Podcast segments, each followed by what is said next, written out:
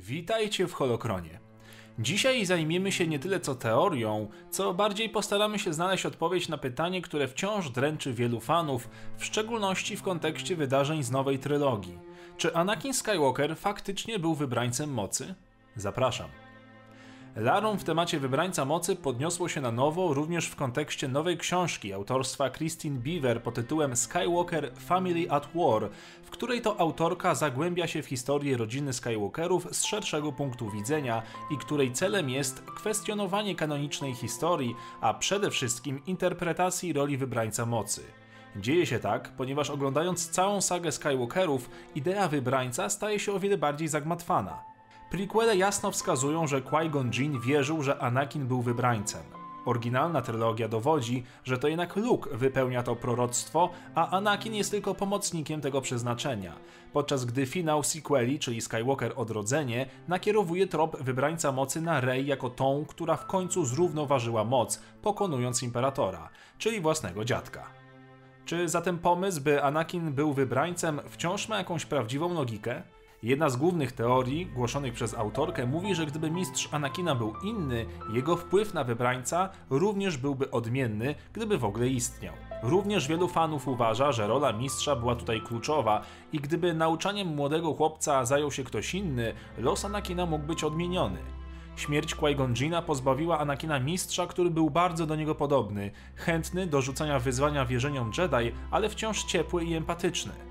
Obi-Wan był znacznie bardziej rygorystyczny i trzymający się zasad, co też doprowadziło Anakina do pewnej niepewności i nierozwiązanych emocji, które ostatecznie stały się mrocznymi nasionami dla jego nowego wcielenia, czyli Darth Vadera. Z tego spojrzenia wynika, że Anakin był człowiekiem napędzanym przez okoliczności i wybory swoje oraz innych, a to oznacza, że samo przeznaczenie nie miało tu zbyt dużego znaczenia, mimo że wielu mistrzów Jedi i najpewniej sam Anakin chętnie to sobie wmawiali. Według wielu fanów cała koncepcja wybrańca mocy była wadliwa już od samego początku. Anakin technicznie rzecz biorąc przyniósł równowagę we wszechświecie, zabijając czy też unieszkodliwiając imperatora, a następnie samemu umierając, wypełniając w ten sposób przepowiednie. O ile w kontekście oryginalnej trylogii interpretacja wybrańca mocy jest otwarta, o tyle prequele jasno wskazują, że to Anakin był wybrańcem i nigdy nie było co do tego wątpliwości. O ile wszystko jeszcze w miarę się klei, to powrót Imperatora jest w tym momencie tragicznie źle zagranym chwytem fabularnym. Nadużycie historii tej postaci, nie wspominając już o tym, że jego powrót był prawie całkowicie pozbawiony logiki, straszliwie zamieszało w kanonicznej historii sagi. Zniweczyło wiele ze znaczenia poświęcenia Anakina oraz swego rodzaju mitologicznej podróży bohatera, którym jest Luke. W nowych filmach proroctwo uległo zmianie i wygląda na to, że zostało dokończone przez Bena i Rey, a równowaga w mocy została przywrócona po raz drugi. Brzmi to jednak absolutnie powtarzalnie i bezcelowo. Jednak ani Ben, ani Rey nigdy nie byli wyraźnie nazwani wybrańcami, chociaż Rey z pewnością spełnia tę rolę. Niemniej warto tu przytoczyć trafny cytat jednego z użytkowników Reddita, który swojego czasu prowadził zażartą dyskusję na temat wybrańca mocy, jego roli, ale i samego odkupienia Anakina. Anakin nie został odkupiony przez zabicie Palpatina, został odkupiony przez uratowanie Luka. Sam Lukas powiedział, że Vader nigdy nie byłby w stanie odpokutować za to, co zrobił, ale mógł uratować jedyną osobę, która mimo jego czynów okazała mu miłość i współczucie. I w ten właśnie sposób się odkupił. I trzeba przyznać, że ma to sens, bowiem większość fanów zakłada, że zabicie swojego pana przez Darth Vadera było pojedynczą akcją, która równoważy moc. Ale co jeśli ocalenie Luka było o wiele ważniejsze niż zabicie Imperatora?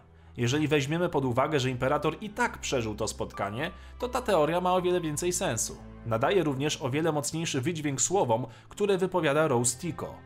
W ten sposób wygramy. Nie walczymy z tym, czego nienawidzimy, ale ratujemy to, co kochamy. A co wy sądzicie o idei wybrańca?